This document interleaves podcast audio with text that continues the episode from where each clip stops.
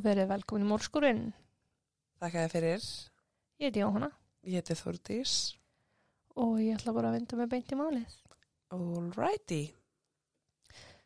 Kristoffer Ryan Lane fættist þann 2. september árið 1990 í Melbourne í Ástralíu og var sonur þeirra Peter og Donnu Lane. Chris, eins og hann var alltaf kallaður, fættist inn í hálgert stelpu veldi en hann var yngstur fjögura sískina og eini strákurinn. Tengi. Já, vá, ég veit það ekki. Það var bara öfugt. Já, með þrjár mjög ákveðin sýstur sem stjórnuðust í honum stanslust og ráðskuðust með hann. Þá var Chris uh, frekar mikill skærulegi og það var alltaf mjög mikið plex á milli Chris og Erin sem var yngsta sýstin í rauðinni. Þannig að þau voru svolítið svona eins og þú og Aron, alltaf keppni, alltaf hver er betri. Meira svona eins og ekki á Andrea. Já, góð punktur. Reyndar. En þau allan að það var bara, ef Chris gætt gert eitthvað þá þurfti Erin að skemma það fyrir honum. Þegar Chris byrjaði að lappa þá hún honum stanslust af því hún vildi vera svo sem lappaði en ekki hann. Æi, ok. Uh, en Chris kom úr mjög samheldnari fjölskyldu sem held mjög vel utan um hann og kvött hann áfram statt og stöðut. Og það átti eftir að koma sér mjög vel af því Chris, hann átti sér mjög stóra drauma. Chris hafði byrjað mjög ungur að spila hafnabolta samlega grunnskólanámi og hann hafði strax vakið aðteglið þjálfara sinna og það lág svona freka ljóst fyrir að hann yrði bara hrikala öflugur Hafnabólta. hafnaboltamaður þegar hann er eldri. Chris vissi svo sem alveg að hann var góður og leist vel á þessa framtíð sem hann gæti átt framöndan en hann var langspenntastur fyrir því að hafnabolti er svo mikið svona team effort, bara Já. lið íþrótt. Það er mikið samhældni, það er vinátt og hann kunni mjög vel við að geta fagnað sigurum með félögum sínum en líka tekist á við töpin með félögum sínum. Já, ok. Krist vildi Olm eldast fast á eftir þessum draumum og hann var ungu frá hann að dreyma um að spila með ykkur amerísku liði. Amerika í augum Krist var bara mekka hafnaboltans og hann gerðist bara svo djarfur þegar hann laukur innskólagöngunni sinni að byrja bara að ringja í hínu og þessa mentaskóli í bandaríkunum og sjá hvort það væri ekki einhver til að taka við honum. Ok. Eftir nokkuð svolítið símtöl þá fekk hann sjálfur símtöl en Redlands mentaskólinn rétt fyrir utan Oklahoma í bandaríkanum bauð Chris að koma til bandaríkjana fá ingöngu í mentaskólan á fullum skólastyrk gegn því að spila hafnabalta með The Redlands Cougars. Ok. Fóreldrar Chris voru springa úr stolti, systur hans líka og allir voru mjög spennti fyrir því sem var framöndan hjá honum. Þau stuttu sinn mann og aðstóðu hann við að græja allt sem þurft að græja og kvötta hann svo þegar hann fór að vit ævintýrana í Amerikunni. Ekkert veit æfintriðina Ó, í. Ameríkunni. Vil eins og bara að selja mér ferðalega til Disneyland. Gekk það? Já, sé það. Chris var kannski ekkert sérstaklega hóvar, blæsaður, en hann var ekki bara spenntur fyrir skólalífinu og hafnaboltalífinu. Hann var heldur betur spenntur að fá tækifæri til að nota ástrálskar hreiminn sinn á amerísku dömunar. Akkurat, ég var að fara að segja það. Eitthvað núna með flörti dörti, sko. Uh -huh. Hann ætlaði sko aldrei að næla sér í eina ameríska. Skólalífi tók svo við og hann unu sér bara mjög vel. Hann var fann að sjá fyrir sér að hann myndi klára skólan, skemmta sér leðinni, halda fram að vinna að hafnaboltaferlinu sínum og svo ætlaði hann jafnvel að fara út í fastegnu sölu bransa. Sérst að, að lokna námi. Ok, Chris hafði ekki verið mjög lengi í skólanum þegar hann var farin að kynnast fólki. Hann átti aldrei erfitt með eignast vini og verandi mjög sætur strákur með mjög falleg dökkbrún augu og seiðandi ástralskan hreim. mm. Þá voru stelpunar náttúrulega frekar skotnar í honum. Leðis var líka hann að selja mér hann. Þú veist, er þetta sölu þáttur? Chris hins vegar hafði reki augun í eina stelpu, Söru Harper, sem var líka í skólanum á fullum skólastyrk eins og Chris. Hann fór eitthvað að gefa sig að þessari sæti stelpu, reyna að hylla hana með brúnu augunum og reymunum sínum, en henni var bara slett sama. Vildi ekkert með hann ástrala hafa. Chris gafst hins var ekki upp, hann held áfram að reyna að kynnast henni bara sem vinkunu í staðinn og það var eiginlega þannig sem það vaknar ykkur spennaðan á milli. Þegar hann var bara farin að vera hann sjálfur en ekki að reyna að vera ykkur töffari, að þá loksins fjall Sara fyrir honum. Ok. Þau urðu á endanum bara gjörsamlega óaskilinleg en Chris var nú lítið fyrir að slúðara í familjöna út í Ástralíu um nýju kæristuna og hafði fram að þessu lintinni bara mjög vel, þess bara í einhverju vikur. En það var svo einn morgunin sem að Chris liggur upp í rúmi þegar að mammans ringir á Skype og hann er að spjalla við fjölskylduna þegar að fjölskyldan sér alltaf glitta í ljóst háru við hliðina á honum. Ah, aðspurður hver þetta eiginlega væri þá fór hann alveg í kleinu en endaði á að byggja sörum að koma í mynd og kynnt hana sem kærustunni sína. Það er alveg þannig sem þau verða svona official. já. Ok. Þegar álíður og fóreldra Chris kynna söru í gegnum Skype þá eru þau bara, vá, Chris er bara ástfaginn. Það er bara alvara í þessu, bara frábært, geggjað. Og sérstaklega þegar Chris fyrir að tala um það að hann vilji taka söru með sér til Ástralíu en hann, sérst, hann fór alltaf heim til Ástralíu einu svona ári, svona yfirleitt í þrjá mánuði senn. Ok. Þarna er hann búin að búa út í ykkur tvö ár, þrjú ár. Og árið 2013 þá langaði hann mjög mikið að taka söru með sér. Og fóreldrar hans voru þau sem að sáu svona um allan kostnað við að fljúa Chris heim til Ástralíu frá bandaríkunum. Þannig að Ok. þau voru að fara að taka á setna eitthvað kostnað varandi söru líka. Og Chris hafði því líkar áallanir fyrir sig og söru í Ástralíu. Hann vildi veitinni geggjaði upplifun og var að reyna sitt besta að sannfara mömmu sína um að bóka handaðin bara rándýrustu, flottustu, fínustu hótelin. Hann ætlaði sko að degra við Kæró. Með peningum, Flottir. Mamman slíti þessi samt og var bara vá, hann vill, þú veist, bara gera alltaf besta fyrir hana á og ég bara ætla aðstofan við þetta. Og sem betur fer að þau áttu saman mjög dýrmæta tíma, sérstaklega í ljósið þess sem koma skildi. Ok. Um meðan ágúst er Ástralíu dvölina að ljúka. Tími til að Sara og Chris fara aftur til Ameríku til að hefja nám aftur. Áður en skólinn byrjaði ætlaði Chris að fara með Söru til Duncan sem er smábær í svo liti fjallað frá skólanum þeirra en sérst í Oklahoma en þar ætlaði það að eyða nokkrum dögum með fjölskyldanar. Sara vann í gólfverslun svona þegar hún hefði tækifæri til og það var eiginlega planið framöndan. Hún ætlaði aðeins að vinna, hitta pappa sín og mömmu sína Mm. og hann með. Þann 13. ágúst leggjaði stað frá Ástralíu og lenda sjálfsagt sólaring sér í bandaríkunum. Uh, Þann 16. ágúst vakna Chris og Sara saman um áttaleitið um morgunin. Sara átti að fara að vinna setna hann á morgun og þau ákveðað þess vegna að eigða smá tíma saman bara að horfa á sjóarpið. Ok. Chris ætlaði að pakka almennilega en þarna áttu þau að fara í skólan einhverjum dögum síðar og hann vildi bara hafa allt í orðin áður en áður færu. Hann sagði við Söru að hann ætlaði jafnvel út að hlaupa og Sara var bara djöðl ertu rugglaður að þetta það í hug en um var að ræða trúlegast heitasta dag ársins. Ok. Þennan dag. Shit. En Chris fannst mjög næs að hlaupa á heitasta tímadagsins sem að enginn í kringum hann skildi aldrei. En Sara fyrir bara í vinnuna, hviðu Chris og þau ætluðu svo að hitta setni part dagsins. Hann fer bara hann út að hlaupa. Já, bara pakka og, og ætlaði svo út að hlaupa. Akkur hann að pakka. Að þið þurfa að fara í skólan. Hann er sérst, já. Klukkan þrjár mínútur í þrjú eftir miðdaginn þann 16. ágúst árið 2013 þá berst neyðalínu í Duncan símtal.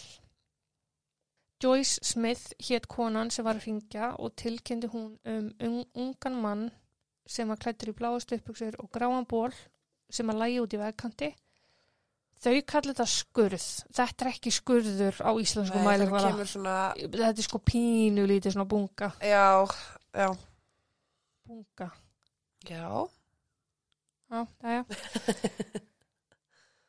Uh, Joyce sagði frá því að unga mannunum að ungi maðurinn bæri þess merki að vera slasaður, trúlegast með skotaverka og sagði að mikið blóð væri á baki mannsins. Ok. Þegar hún var spurð hvort að ungi maðurinn væri með meðvitund svaraði hún játandi og þegar hún var spurð hvort að maðurinn andaði þá svaraði hún heikandi. Hún sagði að hann væri varla andandi, hann var sérst á svona 30-40 sekundar fresti að taka svona andköf en, já, en bætti strax við að það væri maður að fylgjast með honum og tilbúin ef það þyrft að beita öllum þeim endurlífikunar aðferðum sem bara stæðum til bóða. Ok. Hún endaði símtalið á að ef aðstóð bærist ekki fljótt þá myndi maðurinn deyja. Richard Rhodes var maðurinn sem var að reyna sitt allar besta að halda lífi í Chris sem hafði verið skotin á meðan hann var í sakleysu sínu út að hlaupa. Richard talaði við Chris, hann huggaði hann og reynda sannfarin um að það yrði allt, allt í lægi. Óvegs um að Chris heyrði honum og með nagandi tilfinningu að trúlega myndi þessi ungi maður í blómulífsins ekki lifa af það sem átti bara að vera út í hlaup. Uh, Chris hafði kvíslað help, help, margsinnis sem hann nýsti Richard. Richard gæti ekkert gert nema reynda hugreistan sem og hann gerði alveg þar til að Chris misti meðvutund rétt áður en að aðstóð mætt á svæðið. oh my god. Mér finnst alltaf vera svo leiðis. Alltaf. Þegar aðstóðin loksins bast á staðin var Richard og tvær konur sem að byggu í næstu húsum að skiptast á að hnúða og blása Chris. En hann hafði því miður ekki náð meðvutund aftur. Sjúkraflutningamennir tóku við aðhleiningunni og þeirra fyrsta verk var að klippa af Chris fötin. Þeir veltu honum á hliðina og sáu þá að hann var vissulega með skotsár ofalega vinstra meina baki en ekkert útgöngusár. Ó, þannig að kúlan var eftir inni. Já, svo það var með ljóst að kúlan var enn inn í honum og trúlegast að valda enn meiri skada. Oh, Chris var fluttur í flýti á Duncan Regional Spítalan þar sem að plani var að bera kennsla á hann stórslað saman en þarna vissi enginn hvað hann héti, þess það heldur meira. nei, hann var alltaf, var hann með eitthvað á sig? Nei, Mm. Chris var útskurðaði látin áður en tókst að bera kennsla á hann en mjög fljótlega komi ljós hvern um var að ræða. En þú veist, hann var ekki, æ, voru þið ekki eitthvað að stoppa einhverjum bæ áður en þau fóru heim?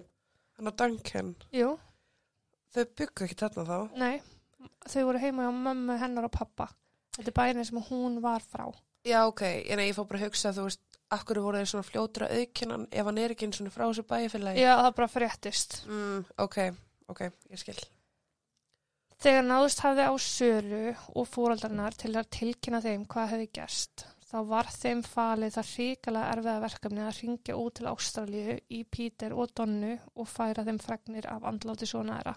Sko eins og það hefði ekki verið nóg erfitt að Sara var í vinnunni þegar kemur lauruglumar og prestur. Þú veist, þau, þau eru valla sjálfuna áttum áður en þau þurfa að hafa samband við fóraldarna. Já, líka bara, sorry, ég myndi ekki vilja fá simringu Nei.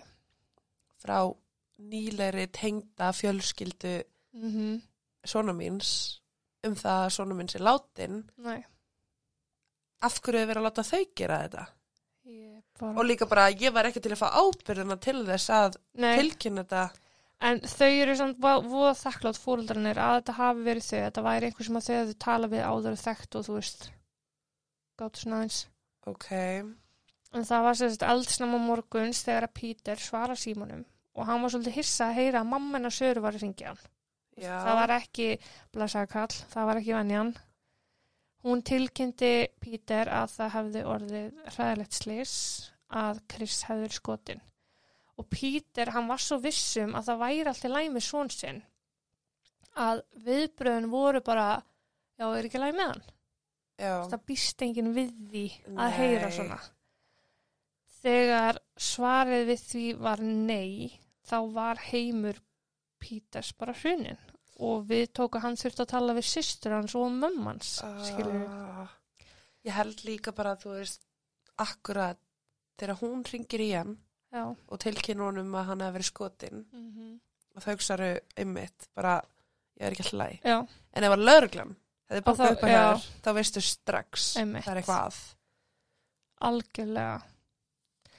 En þar sem að Chris hafi bersýnilega verið skotin, þá hafi lögregla strax hafið rannsókn og á meðan Chris var fluttur á spítalan, þá voru lögreglumenn að vinna að vettvangi, sapna gögnum og taka myndir. Á vettvangi þá það, sést, það finnast ekki skotilki, það finnst ekkit úr byssunni sjálfri. ok, En út af sárunu sem að Chris var með að þá var talið að byssan væri lág kalibera eða trúlegast 22 kalibera byssa.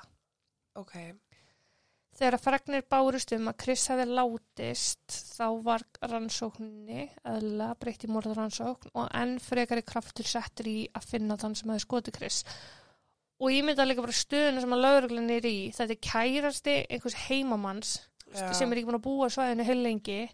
Hann þekkir ekki það mikið til þannig að það þekkja hann Nei, engin, þú veist, akkurat, hver er þetta William Feigan nákvæmlega. Og þau eru bara hvar eigum við að byrja? Já.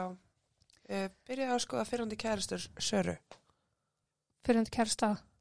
eða eitthvað bara, Já, kæ, kæ, já, já. bara eitthvað sem að tengdu Söru skilur Já, en Chris hafði hlotið skotsár í bara já ofarlega vinstara megin í baki. Byssukúlun hafði farið inn, brotið eitt rifbein og í kjölfarið ferðast í gegnum bæði lungu Chris, gata bæði lungun á honum, uh, sært hjartað verulega og bláæðar þar í kring og að lokum endað í rifbinni hægra megin en í leiðinni tekið hérna bílenda í sundur. ein byssukúla Ein fyrirgeð var hún lág bara kalibra byssu sko. það er bara eins og hún hafi verið að keira inn í honum Já. bara á mismunandi Bara- staði ég þetta bara, what? Já. var hún bara að flakka fram og tilbaka Já og þetta er vist bara mjög algengt. en er það þá ekki þannig, þú veist, að hann var þá vantilega skotin úr einhverju fjarlæði eða eitthvað Hann var skotunni úr þeir, þeir svona uh, vegna þess að, að að það kemur ekki skot eða þú veist, útgöngu sár já það getur líka bara verið að þetta er lág kalibra byssa og krafturinn eftir því. ok, ok, Þessir áverkar orsaka eins og byrja skilja gífurulega blæðingu sem að er það sem að lokum dró Krist til dauða eða bara á nokkrum mýndum. Dánarössök var því skotsár í bak og útskurðaði krupningalæknir að um morð var að ræða ok sem kemur ekkert óvart. nei, En lögregludeildin sem vissi í rauninni bara ekkert, hvað þeir voru bara shit, hvernig eigum við að fara að þessu. Þetta er pínulíl bær, kannski ekkert andla með bestu starfsmennan til þess að sinna svona málum. nei og kannski ekki tæknina eða eitthvað þannig Nei, en þeir ákveða að skoða eða þess að bara grafa upp alls konar öryggismyndavæli efni og nálægum myndavælum. ok, Vittni á vettvangi þar sem að Chris hafi verið skotin hafði öll sagst hafa séð að heyrði byrsu skoti og svo sáu þau lítinn svartan tveggetari bíl keira fram hjá Chris og bruna af vettvangi eftir að hann niður. Þannig að markmiðið þarna er bara ok, við ætlum að finna hlaupa, já, en líka við ætlum að finna hlaupaleiðinans Chris, hvar hljóp hann, sjáu hann á myndavælum já, og þá sjáðu á myndavælrefni frá veitingastað sem var ekki mjög langt frá vettvangi. Chris hlaupa og lítinn svartan tveggjadar bíl keira á miklu hraða. Í eftirdrægi sýst á eftir honum í ágila um, í kjölfari fara er að skoða önnur myndavélarefni og þá sjá þau aftur svartan svartan tveggjadara bíl keira á miklu hraða í gegnum bílastæði og beigja inn til hægri þar sem er komast á bak við hús sem var á bílastæðinu. ok, Þar stoppaði bílinn í allir mínútur og keirir síðan róla í burtu aftur. 11 mínútur Já. var þetta fyrir eða eftir Eftir. mm. heppilegt Já. ok, Lögreglu konan Holly Atkinson var ein af áhorfendum þessa myndmanns og hún kannaðist fljótt við bílinn en hún þóttist nokkuð vissum að ungur strákur í bænum ætti hennar bíl ungur strákur sem hafi komist í kastulögin áður og hún hefði áður þurft að fletta upp bílnúmerin hans vegna annara mála. Þar sem að bílnúmeri sérst ekki á bílnum uh, sem var á hvorki veitingastæðu upptökunni eða bílastæðu upptökunni þá Já. ákváðun að leita bara uppi númerið á bíl þessa unga stráks. Bara ég með því að skrifa einhver starf, ég ætla bara að finna það og fletta því upp. Ok. Ungu maðurinn hefði átt 2003 árgerð af svörtum tveggjadir af Ford Focus sem er einmitt mjög lítill bíl og því var strax lögð áhersla á að komast að í hvar þessi ungi maður væri niður komin. Lauruglan þurfti ekki að býða mjög lengi eftir svörum en rétt rúmlega sjö um kvöldið þennan sama dag og Chris er skotin til bana þá best lauruglu tilkynning. Þannig á fjórum tímum eru þau búin að komast að í hver á bílinn og Sæl. búin að fá símtal sem ég er að fara að segja frá núna. Maður hafði hringt og tilkynnt um þrjá unga stráka í nálæð við heimilans sem voru með byrstur og honum fyndist líta út fyrir að við, veist, að væri eitthvað slemt að fara að gerast. Honum hafði ekki litið neitt á þetta og því ákveðið að ringja á lauruglu. Þegar lauruglan kemur á staðinn standa þrýr ungi strákar á samt uh, öðrumanni. Lauruglumæðurinn sá strax stökkan lítinn tveggjandari bíl og kom sér í samband við rannsakendur Máls Chris og spurði hvort að þetta getur verið bílinn. Það Ó. kom í ljós, það var í rauninu bara sama tíma og það er verið að komast það hver á bílinn. Ok. En það kemur sérst í ljós að svo væri vissulega og þar sem búið var að gefa út handtökuheimild á þann sem var að keira bílinn, þá var því ekki til fyrirstöðu að mennirnir væru allir teknir niður á stöð í smá viðtal. Umrættir strákar voru þeir Michael Dwayne Jones, 17 ára, eigandi bílsins, Chancey Allen Luna, 16 ára og James Edwards, 15 ára. Er bara eðlilegt að strákar á þessum aldrei sem er byssur? Nei. Nei, akkurat. Allir þrý strákanir komu frá mjög góðum heimilum, höfðu allir stundað íþróttir og staðið sér vel í skóla. Michael 17 ára og Chancey 16 ára höfðu verið langbestu vinir frá mjög ungum aldri. Þeir höfðu spilað saman hafnabólda, sendt glímuða kappi og verið bara mjög flottir strákar þar til þeir voru það bara ekki. Ok. Það er svolítið í því að vera það ekki úr 15 ára. Já. Já. Chancey hafði farið að selja alls konar fíknefni mjög ungur og þegar Chancey fór að selja fíknefni þá fór Michael að prófa fíknefni. Uh, Chancey hafði átt erfiða tíma þegar hann kom sér í gengi í Duncan sem erfís bara mjög hallarslegt wannabe gengi en gífurlega hættulegt þú ert með einhverja menn sem vilja vera töffarar með byssur. akkurat. En menninir í þessu gengi voru flestir slæmur menn með langa sakaskrá og höfðu aldrei neitt gott í huga. Og fólk var alveg bara svona, ætlum að halda fjallæð, þú veist, þetta eru bjánar. við Já. að- Michael var á sama tíma að ánætjast methi, frábært. og sökk mjög hratt í mjög mikla neyslu. Þeir voru allir þrýr færði til yfirheyslu þar sem þeir reyndu eftir bestu getu að tala í kringum það sem þeir voru spurður að. Michael, sá sem hefði verið að keira bílinn, var eiginlega sá liðlegasti en hann var samt stút fullur af hróka og dónaskap. Og þú getur það rétt ímyndað hvernig hinu tveir voru ef að. Michael var sá skásti. Uh, Það var eiginlega ekki fyrir en þeim var gert grein fyrir því að maðurinn sem var skotið á hefði dáið sem þeir fóra að bregðast við einhverju að viti.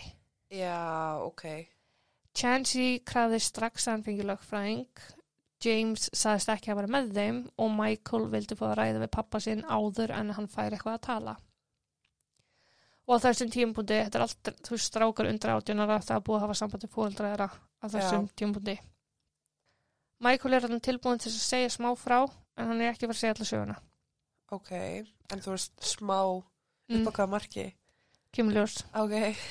Michael segi frá því að hann hafði eitt allri aðfaranótt 16. ágúst reykjandi með með frænda sínum, sérst ekkert búin að sofa allan nóttinu allan daginn og þetta atvik með Chris er að gera skláðan þrjú. Ok. Þannig gefum okkur það að hann sé búin að vaka degi í kannski einn og hálfa sólurhinga eitthvað. Já.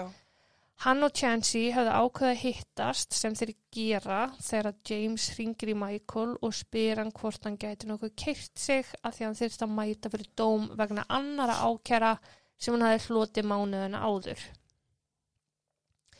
Þeir eittu einhverjum tíma saman heima hjá einu þeirra þar til þeir fara út á rúnt. Einn af þeim var með byssu með sér en Michael sagðist ekki vilja segja hver það hefði verið. Hann sagði eitt þeirra hefði hefði síðar skoti úr byssunni og í áttamannunum sem þeir kerðu fram hjá sem var Chris. Uh, Michael segir svo að þeir hafi svo kyrt James til þess að mæta fyrir dóm og svo farið saman og kyrt fram hjá því sem þeim sérst, fóra gruna að væri núna morðvettvangurinn. Sérst, þeir keira aftur það sem er skjóta Chris, já, sjá þá að það er náttúrulega fullt aðbúnaði á svæðinu. Akkurat. og þá er það bara ok, shit. Það er eitthvað ekki gott í gangi. Uh, þegar bæði James og Michael voru spurðir hvað þeir voru að gera á, baku húsa á bílastæðinu í allu myndur þá sögðu þeir báðir að þeir hefðu stoppað þar til þess að reykja gras. Hvað er þessi gæjar bara með endalist þól eða? er greinlega. Ég get ekki hugsað með það með líður illa sko Ég get ekki drukkið þrjávatka reddból og það er að mölvu, sko.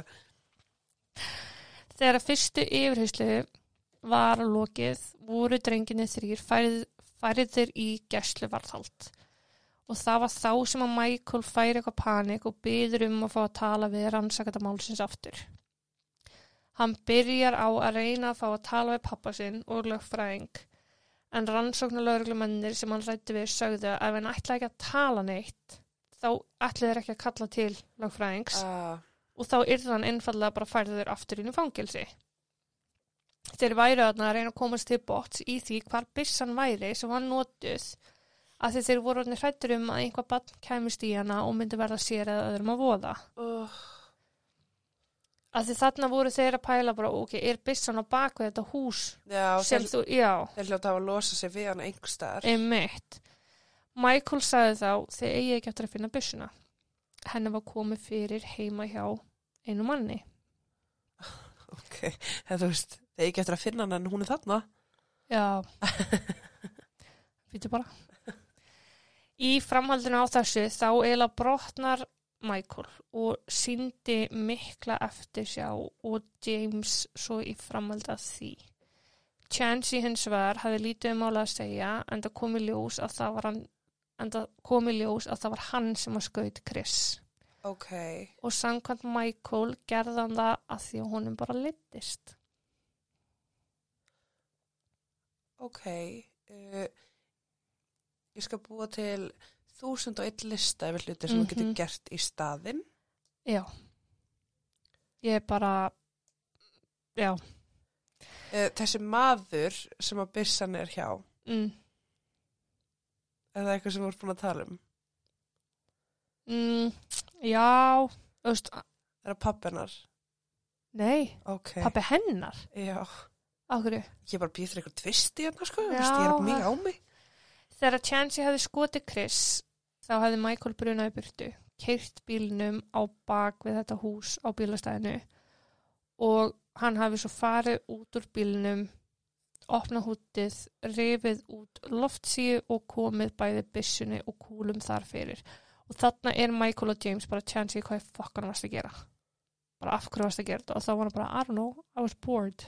Uh, Chansey og einhver óvinnur hans höfðu staðið í hótunum við hvern annan allan tíman sem þetta var í gangi og bara allan morgunin og allan daginn og í einhverjum hasar þá ákveður að hittast á bílastæði og er að hóta að skjóta hvern annan og það er sagt þá sem er lögreglu best símtalarna klukkan sjö um kvöldið að drengir séu með byssu og það leit allt út fyrir að það fær allt í pjandans. uh, Einhvern veginn áður en að lögreglan kemur þá náður að losa sig við byssuna.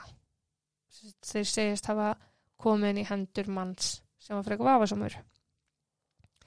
Lögreglan fer rakleis heim til þessa manns þeir, þeir sérst vita hver það er. Já, Ok, af því að Michael segir frá því bara hver það er sko, ok. sem gaf leifi fyrir því að leitað yrði heima hjá honum enda var hann löngu búin að koma byssinu einhvert annað og ennþá daginn í dag hefur byssan ekki fundist. Ha, Mm Byssukúlur hins vegar í hundruðatali fundust á þeim stað sem að Michael sagði að hann hefði komið um fyrir á samt alls konar byssu tengdu inn í bílnum hans. Það er í loft sínu eða eitthvað. Já, þannig að þú veist hvað ætlaði þeir að gera með hundruði byssukúluna. Akkurat. En inn í bílum já, finnst þannig að hulstur um byssur, eitthvað svona græður til þess að þrýfa byssur og eitthvað svona byssu auka hlutir sem ég hef ekkert veit á. Ok, áttu þér eitthvað aðra byssu eða? Það fannst kassi utan um 12 kalibra byssu þarna inn í bílum líka, en hún var ekki inn í bílum sjálfum sko. Ok.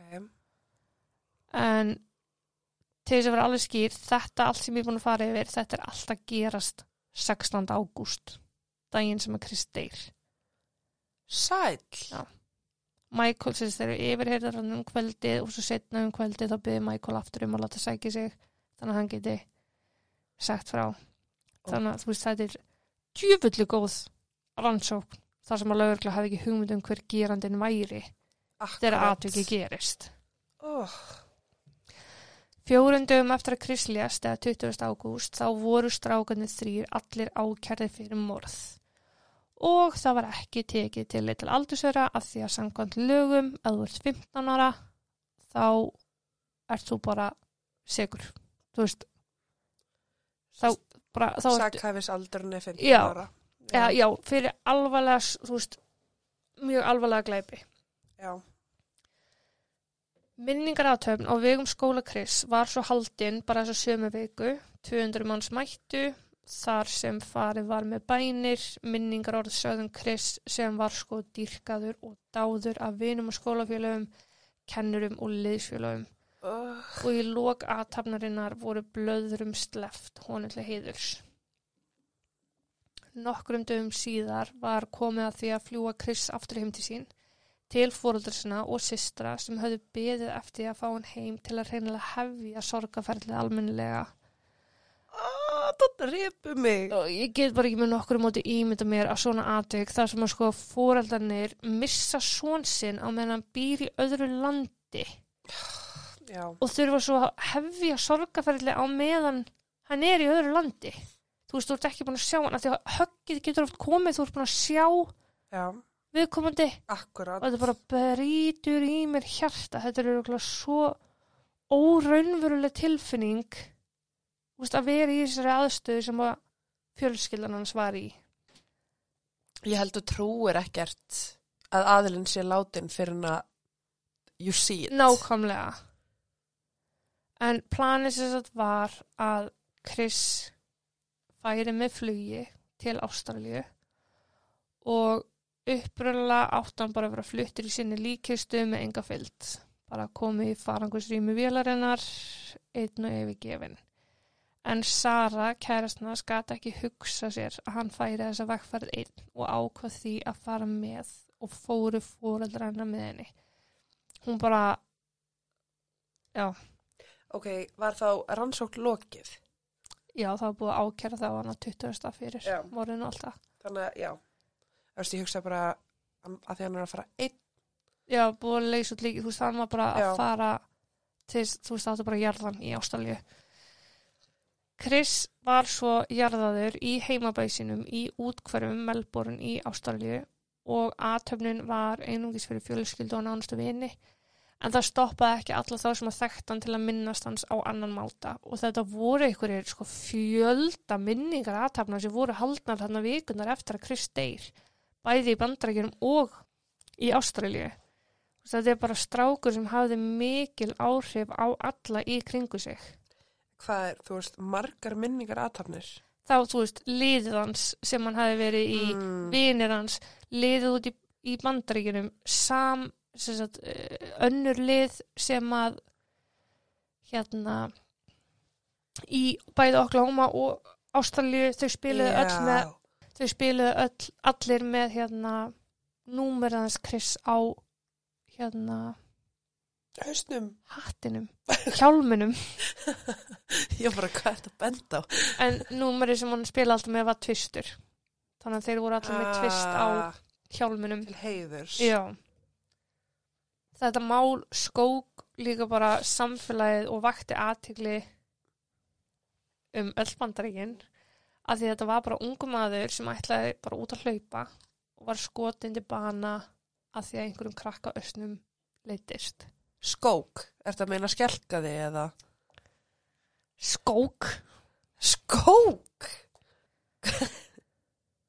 málið sem skók íslensku þjóðuna. Ok, Gekja, skók. já. Ég hef aldrei heyrt þetta áður. Ég skek, Hvað er þetta að segja? hann skók. Það er að hreyfa við ykkur. Ok, Þetta er svona, bara það máli snerti marga, já, meina það. já. Ok, Þetta mál snerti líka bara allt samfélag. en Barack Obama gaf út yfirlýsingu varandi málið meira að segja en hann sagði there uh, is an wow, góð í ennsku. svakalega there's an ex extra measure of evil in an act of violence that cuts a young life short. The President and First Lady thoughts and prayers are with Chris Lane's family in these trying times. Þegar bandar ekki fórsiti, Já, veist það segja, veist það vega svolítið sko. En í, veistu hvað ég er að segja? Veist það vega svolítið? já, já, já, Já. já. Ég, ég er ekki tveggjara. Nei, af því að þú varst bara eitthvað, Í byrjun árs 2015 voru réttaröldin og fóreldrar Chris flugu til bandarækjana til þess að vera viðstattir þau ásand systrum hans. Strákanir þrýr voru allir ákjærðir fyrir morð af fyrstu gráði upprunlega. Chansey neitaði sök, Michael tók samning við ákjærvaldið gegn því að hann þyrti ekki að bera vitni gegn Chansey en að hann gengist við sínum hluta af morðinu. Ok, sem sagt, hann var bara, ef ég játa má ég þá slappa að vera vitni? Ha, ok, er það kröfuður hans? já, Af hverju? af því hann vildi ekki bara vitni gegn vinnu sínum besta vinnu sínum. Sem að sagði frá honum, nei, Michael sagði að þetta hefði verið tjansi sem hefði skotið úr byssunni. já, Já. það var Michael sem bað um samningin Já, það var Michael, já, Já, já. já, já, já, ég held að Tjan- Tjansi hafi verið að byggja um samningin. nei, nei, nei, nei en sem sagt, Michael var ákærið fyrir morð að annari gráðu í staðan fyrir að fyrstu gráðu James var ákærður að lokum fyrir aðild á morðinu og sömuleiðis maðurinn sem að losaði strákana við byssuna. Já, Þeir voru allir ákærðir fyrir glæpi sem hefði geta orðið til þess að þeir yrðu dæmdir til dauða.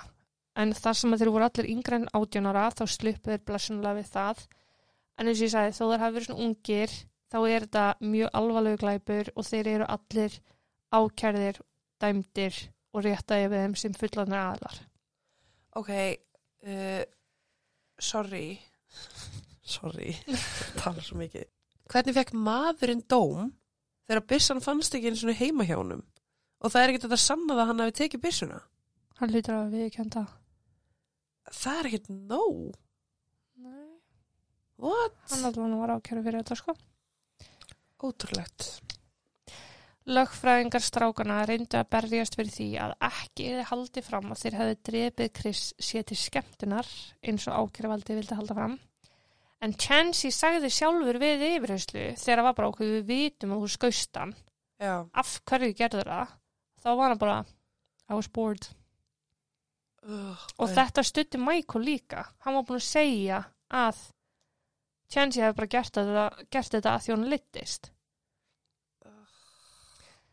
En það er sem sagt hreinlega talið að Chris hafi hlupið fram hjá húsi þar sem þeir þrýr voru saman og að Chansey hafi kvart strákan til að koma sér út. Hann sest aftur í, í bílinn og miðar byssunni yfir farþegarsætti fram í og út um gluggan. Og þegar hann skýtur Chris já. að þá er Michael bara 60 cm frá honum Ah, og skýtur hann í bækið. Og Michael hjælt að skotið hefði hæft hann í hendina eða fótina eitthvað þannig og þeim fannst þetta ekki alvarlegt út á því en ah. þegar rann upp fyrir þeim að hann verið dáin þá voru þau bara, við vorum, ætlaðum ekki að taka þátt í þessu. Oh sem segir kannski líka til um hvað þeir eru ungir sko Já. Klálega hvað, 15 og 16 ára? og 17, hann er elstur hann að 17 Michael, það er ekki neitt aldur. ekki nei en strákunni voru að lokum dæmdir uh, til fangilsvistar Chansey í lífstegafangilsi án möguleika á reynslulausn Michael var dæmdur í lífstegafangilsi með möguleika á reynslulausn eftir 36 ár Ok.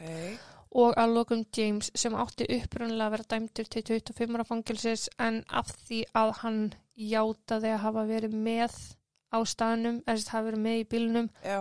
Og að hérna hann hafi kert bílinn og reynd tekið þátti að hilma yfir vopnið Já. og hann viðkenda það fúslega skilju að þá voru tekin tíu ára af dómnum. Ok, hvað fengu þér þá hver og einn? Þannig að Chansey lífstíð, Michael lágmark 36 ár og James 15 ár. Chansey skaut Chris, Michael kerði bílinn og James var farþið í bílnum. Ok. Það er sem skrítið af hverju Michael og James er ekki settir á saman stall. Þú veist, varandi að það að þeir það eru er báðir. Michael sem keirir upp að Chris og það er Michael sem brunar í burtu. Já. Þannig sjálfur sér er, er hann valdur að andlatans líka. Já, það er þessi lög sem ég finnst svo skrítin. Já, Ef ég skuttla þér í bankan og þú rænir bankan, þá er ég meðseg. Þú veist, bara, ég ætla aldrei að keira fólkin eitt, nei, sko, ég veit það. ef ég er í bandaríkjunum. En fréttamila tóku svo viðtöl við á alla þrjá á meðan þeir voru að leiða út í dómstal, dómsal og sko Michael er bara miður sín. Þú veist, segir bara að hann ætla að læra á þessu, hún er þykir fyrir þessu, byður fjölskylduna afsökunar og sömulegis James. James er bara með mjög þroskað komment, er bara þarna, þú er bara aðstæður sem að fóru úrskeiðis, við um að læra á þessu, já, já, já. já, Chansey, þegar hann spurur hvort hann vilja kommenta eitthvað, þá segir hann like what? Og þá segir uh, fréttamæðurinn like sorry og hann segir sorry og lafur í burtu. Uh, sem er náttúrulega bara blöyt tuska í smjatið. uh, já, það er það, sko. En sem sagt, þegar að þessu öllu er lokið, um, þeir fá sína dóm og allt það, þá er þú veist fjölskyldan er bara svona, ok, þetta er bara flott, gott að blessað, en þarna eru líka þrjú ungmenni, þrýr ungir strákar, lífið þeirra er búið alveg svo lífsvonar okkar. Já, Og þau voru ekkert ána með þessa niðurstöðu þau hafa aldrei einhvern veginn, þau, þau geta ekki fyrirgefið, þau, þau bara, ok, ég skal taka við afsökunarbeginninni, en það er ekki þar með sagt að ég fyrirgefið nokkuð skapaðan hlut. já, En því ég sérst líka haldið fram að Ástralir, bara í heildsinni, séu óbúslega gramir að þessi ungi, flotti Ástrali hafi bara farið til bandaríkjana og að bandaríkjurum hafi mistekist af vendan. já, Það er svona, sagan. já, en raunin er hinnlega svo að samlandar Chris eru svo reyðir hversu létt er tekið á öllum byssumálum í bandaríkjunum. Já, Það er alltaf auðvelt að verða sér út um bussu. Aðgengið er bara alltaf þægilegt, sérstaklega fyrir aðala sem hafa minnst að gera með skotvopn. Það verðist vera bara auðveldast fyrir þá að nálgast þau. já, sko, fólk er byrjað að 3D-printa þetta. Já, fyrir utan það. Það er bara, what? Það þarf að setja bann á 3D-prentar líka. Grínlöst. En til dæmis bara eins og þessir ungu stráku sem ætlaðu bara nettir ganga í augun okkur klíkum. Enda á þetta repa bara 23 ára gamla mann. Saklösa mann. Já. Og viðbröðum þeirra segja svo mikið. Þeir ætlaðu bara að leika sér að skjóta byssu. Eins og ekkert sér ellara. Skjótt í flösku. Nei, það er bara störðan að fólk finnist byssur og leikur eiga, eiga heima í sömu setningu. Af því okkur er kent þessum börnum. Leikskóla hérna á landi banna byssur á dótadögum, sko. Já, Þú veist. En Ástralir eru líka mjög strángir þegar kemur á lögum um byssur. Þeir hafa lent í ömurlegum fjöldaskot árásum sem að um, í kjálfæri af þessum árásum þá, vor, þá voru lögunum þar breytt.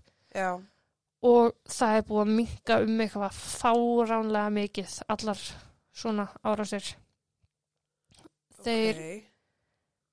Í Ástralíu sem sagt. Já, og ástralar sjá bara ekki hvað stoppar það að lög séu hert í bandrækjurum eins og var gert á sínum tími í Ástralíu.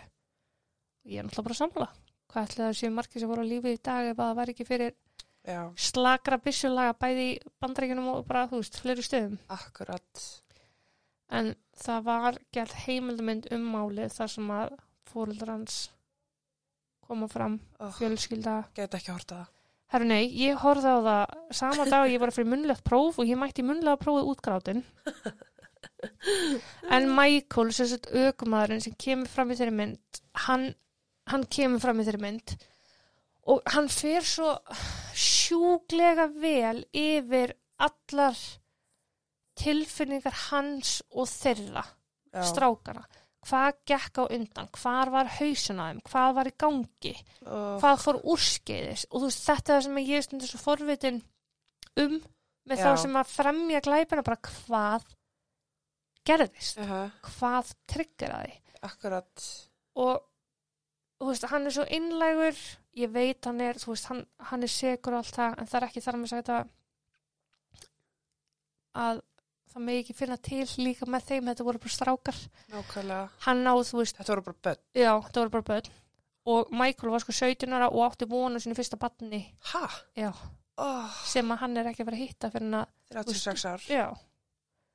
Þannig að það eru mörg líf ónýtana og í rauninni er líf Michaels ónýtt að því að Chansey ákvað að skjóta án þess að ræða við nokkurt mann.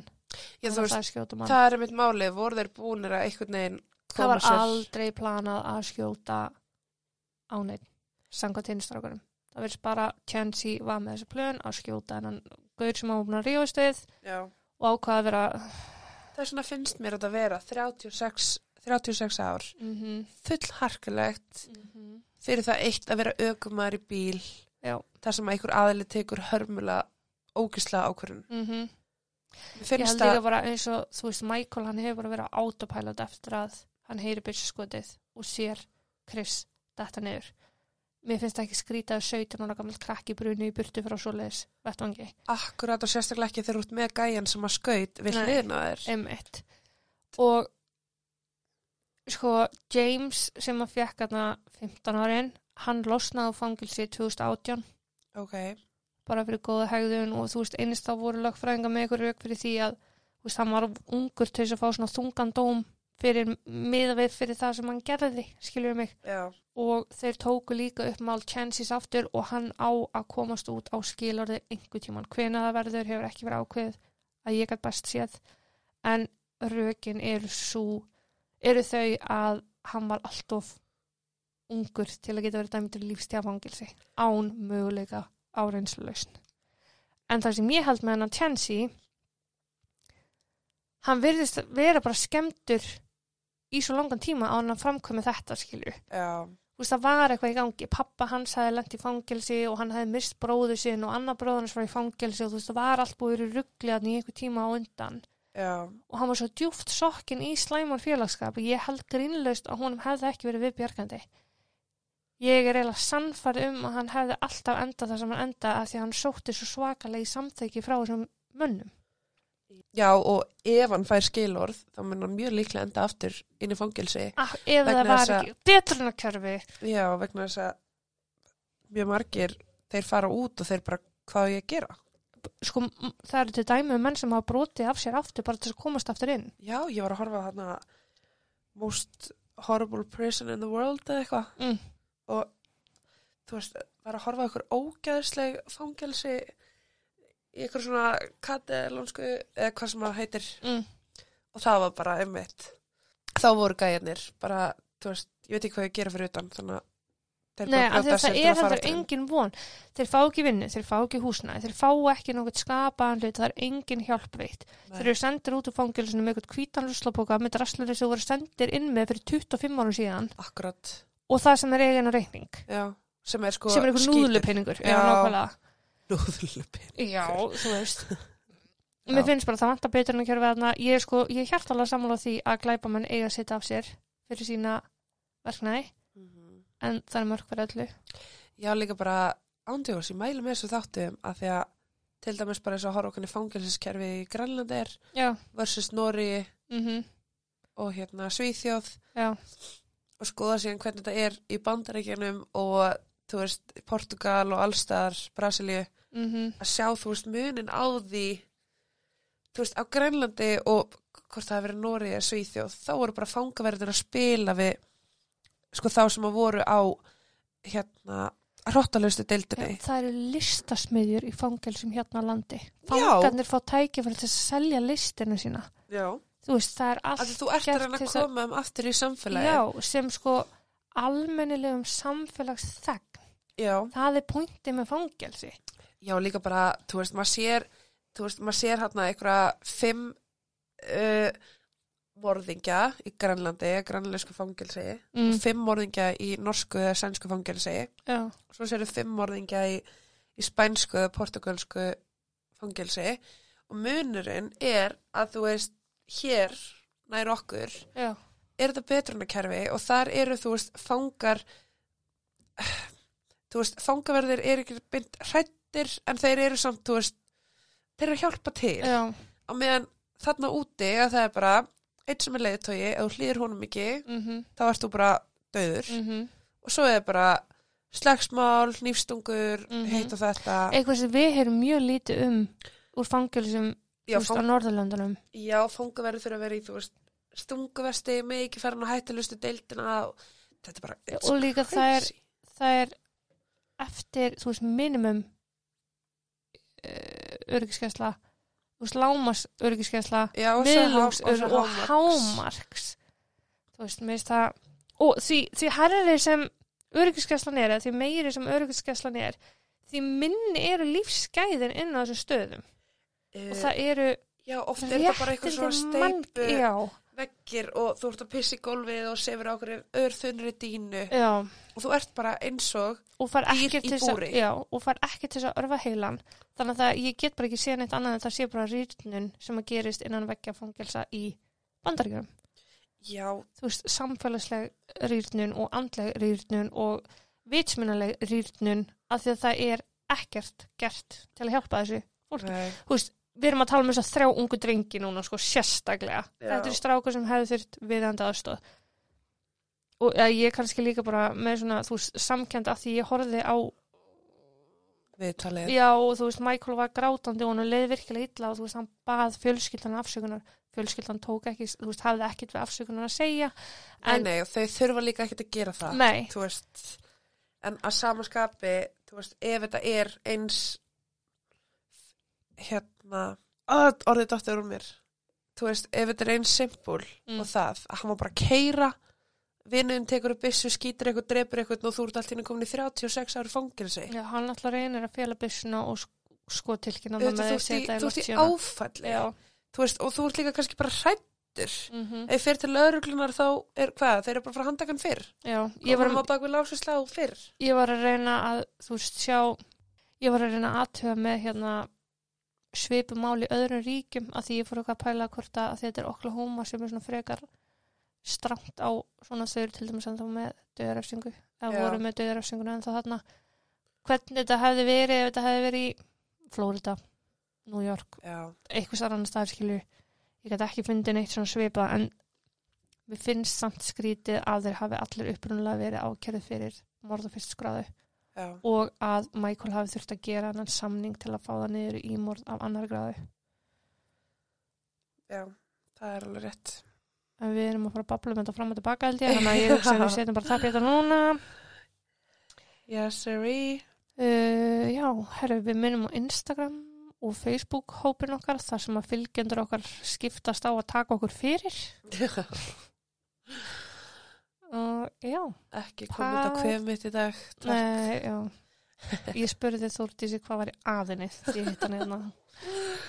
Uh, já, og Partus, ef þið vilja koma í áskrift og heyra meira. yes, All righty Roo. Takk fyrir mig í dag. takk fyrir þig Já, takk og bless. takk og bless